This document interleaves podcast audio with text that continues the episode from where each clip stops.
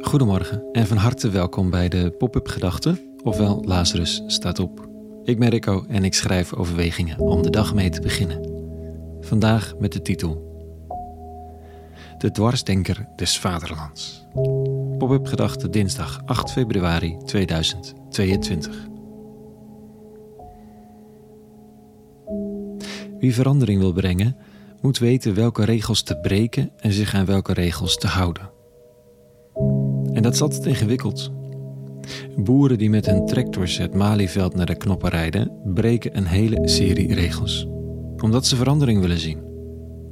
Extinction Rebellion, die nu wekelijks het kantoor van de pensioenverzekeraar PFZ2 blokkeren, omdat ze vinden dat deze niet zou moeten investeren in fossiele brandstoffen, zij breken ook een hele serie regels.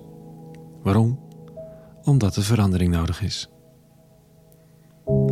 Om je boodschap gehoord te krijgen is het dan wel slim dat je wel weer je aan een heel aantal andere regels houdt. Dat je keurig kunt vertellen waarom en wat en hoe. En dat je op de hoogte bent van het demonstratierecht. Dat je in gesprek gaat met degene tegen wie je protesteert. Kijk, zo'n protest tegen coronamaatregelen kan iedereen wel ongeveer snappen. Ook als je zelf niet boos bent.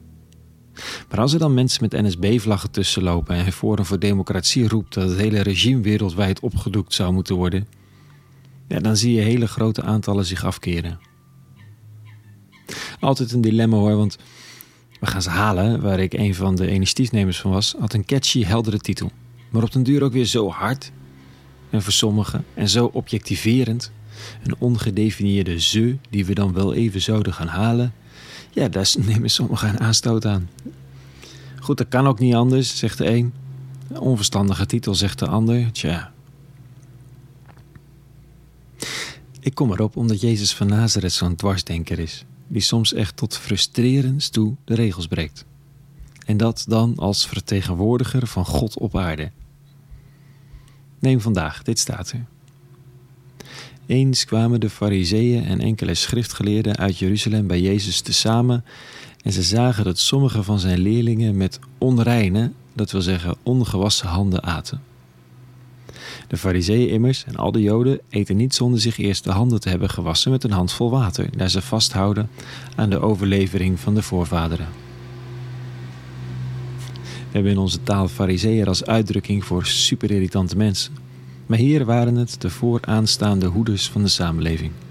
Vanuit een diep geloof dat een serieuze godsdienst het herstel van Israël en de bevrijding van de Romeinen zou bespoedigen.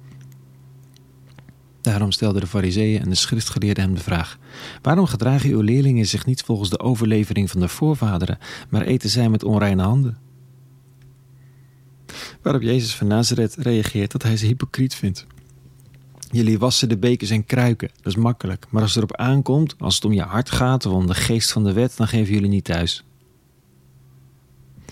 Ja, ik denk dan zelf, dat had je ook prima kunnen illustreren zonder dat je leerlingen de landelijke gewoontes en heilige gebruiken met voeten treden.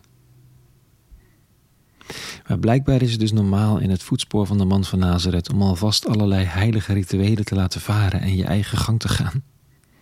En als je daarop gewezen wordt, krijg je het om je oren als fariseer. Je zou bijna medelijden met hen krijgen. Wat moet je hiermee?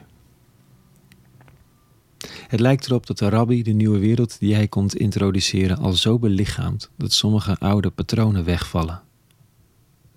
En dat schuurt. Wat me terugbrengt bij de vraag welke nieuwe wereld ik al voor me zie. En of ik diezelfde wereld voor me zie vandaag. En wat er dan voor heilige gebruiken weg mogen vallen. Wat is cultureel heilig?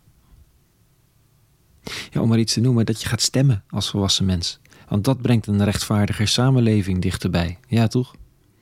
Kom daar maar eens aan. Ik denk dat het absoluut relevant is.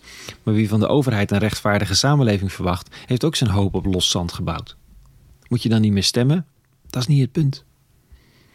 De vraag is of ik de wereld die Jezus representeert, en waar ik soms van droom, of ik die nog scherp voor ogen heb en alvast daar deel van uitmaak. En dat er dan her en der oude gebruiken wegvallen is niet zo gek. Het is een beetje een gevaarlijke gedachte, dat besef ik me ook. Ja, de rabbi ging de conflicten niet uit de weg. En hij ging zijn weg met de ziel van de Torah in zijn hand. En altijd gericht op hen die buiten de boot vielen. Tot zover vanochtend. De pop-up gedachten. Een hele goede dinsdag gewenst vandaag. Met ruimte in hoofd en hart. Morgen weer een nieuwe pop-up gedachte en voor nu vrede gewenst. En alle goeds.